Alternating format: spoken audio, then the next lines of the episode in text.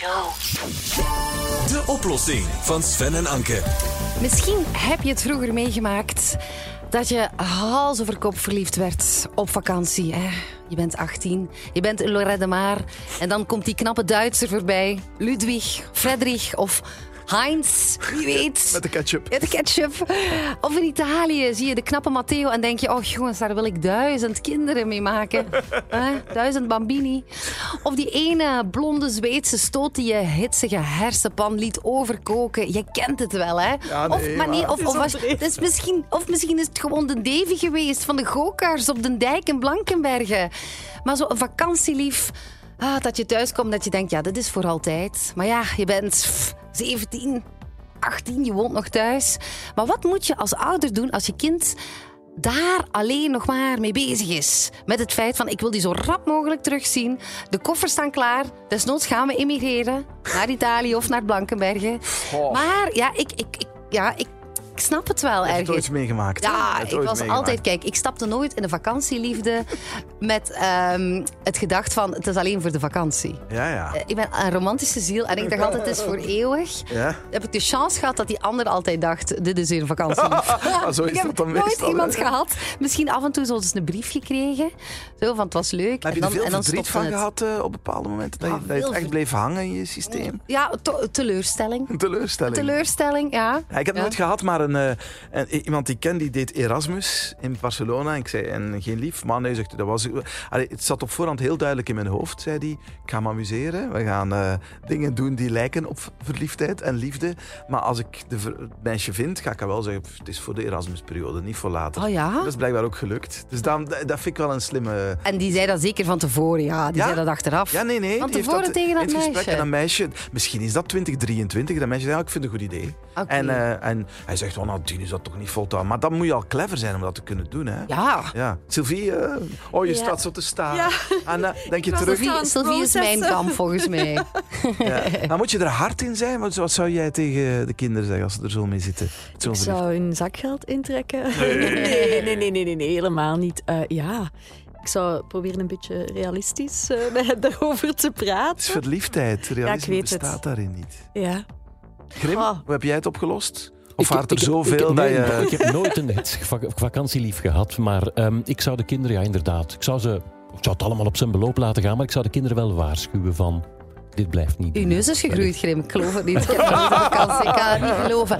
Maar weet, je, mijn ouders, wat die wel altijd deden, maar die deden dat altijd bij elk soort liefdesverdriet. Dan zei mijn papa, je moet je niet bezighouden met jongens. Heb toch alleen maar vriendinnen, want jongens, dat is alleen maar miserie. Ja. Mijn ouders die deden gewoon eigenlijk, die zeiden van, doe maar geen relaties. Ja, daar luister hou je maar, zeker hou je naar, maar bij vriendinnetjes. Sarah van Gijzegem is opvoedingscoach bij de Gezinsbond en auteur van Typisch Tieners en Digitaal Ontmaakt. Ze geeft ook lezingen over de puberteit en is zelf mama van twee tieners en een twintiger. En die twintiger is acteur, zanger, presentator Aaron Blommaert. Het is de mama van Aaron Blommaert, die gaat ons zeker kunnen helpen. Goedemorgen, dag Sarah van Gijzegem. Hallo. Hey, goedemorgen allemaal. Hallo. Al dramatisch kan dat zijn, hè? Voor een, voor een tiener. Zo verliefd en wat moet je nu doen?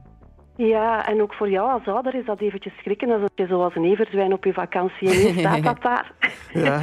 en, eh, en je weet niet wat je daar moet mee beginnen. Ehm, nu, om te beginnen, eh, of dat je nu 17 of 57 of 87 bent, verliefdheid is een gevoel. En als ouder kan je niet anders dan een gevoel serieus nemen. Want als jij zo'n blij en vrolijk en hormonaal gevoel serieus neemt van je kind, dan is ook de kans groter dat je kind op moeilijke momenten bij u gaat aankloppen. Hè. Dus neem dat ook serieus. Ik bedoel niet eh, dat je uw hoed al moet gaan bestellen voor in de trouwsuite te gaan lopen en zo. Zeker niet. Maar wat je echt niet moet doen, is het zo wat minimaliseren of er lacherig over doen. Zo van, ach ja, vakantielief, hè, dat hoort er een keer bij. Nee, het hoort ook bij opgroeien. Het voelt heel heftig. Zeker als het een eerste keer is. En eigenlijk kan je niet anders dan blij zijn en daar een beetje in meegaan met je kind, want die zijn zich seksueel en relationeel aan het ontwikkelen. Dus jui, eigenlijk is dat iets heel positiefs, zo'n vakantielief. Ehm, maar als ik zeg serieus nemen, wil ik niet zeggen dat jij voor hen een beetje vooruit moet gaan denken. Hè? Van, hey, hoe ga je dat doen in het najaar? En, en wil je, dat is veel te ver, je gaat daar niet geraken. Dus die stappen zetten moet je zeker niet in hun plaats doen. Daarover nadenken ook nog niet. Laat het een beetje op zijn beloop. Hè. Ga het ook niet verbieden van, ja, hierna kan je die nooit meer zien, want dan krijg je misschien zo'n soort, eh, ja, Romeo en Julia-achtig verhaal. En als jij ook dingen gaat verbieden, ja, dan ga je ook de communicatie afsluiten. Dus, want dingen die niet mogen, gaan ze achter je rug doen. En dan ben je nog veel minder op de hoogte. Of wordt dat lief nog net zo knap en interessant en, en geweldig. Dus ik zou het, uh, het zeker niet um, ja, e-, effectief gaan verbieden. Dat lukt niet. Een gevoel, ja. een verliefdheid, dat kan je niet verbieden. Dat klinkt allemaal heel mooi in, in theorie. Maar stel nu, hey, je gaat helemaal mee in dat verhaal. En er is van heel veel uh, uh, begrip, erkenning, herkenning. Maar als dan effectief wordt gezegd: Oké, okay, het is nu herfstvakantie, ik sta nu klaar om naar Milaan te gaan. wat moet je dan doen als je denkt: Ja, mijn kind is veel te jong, ik wil niet dat ze gaat? Of wat, wat moet je dan doen? Ja, ja, eigenlijk heb je dan een beetje hetzelfde probleem als je kind die voor het eerst vraagt: mag ik naar een fuif of mag ik naar een festival? Um, jij bent als ouder nog altijd degene die grenzen trekt en die kan inschatten of een kind bepaalde dingen aan kan.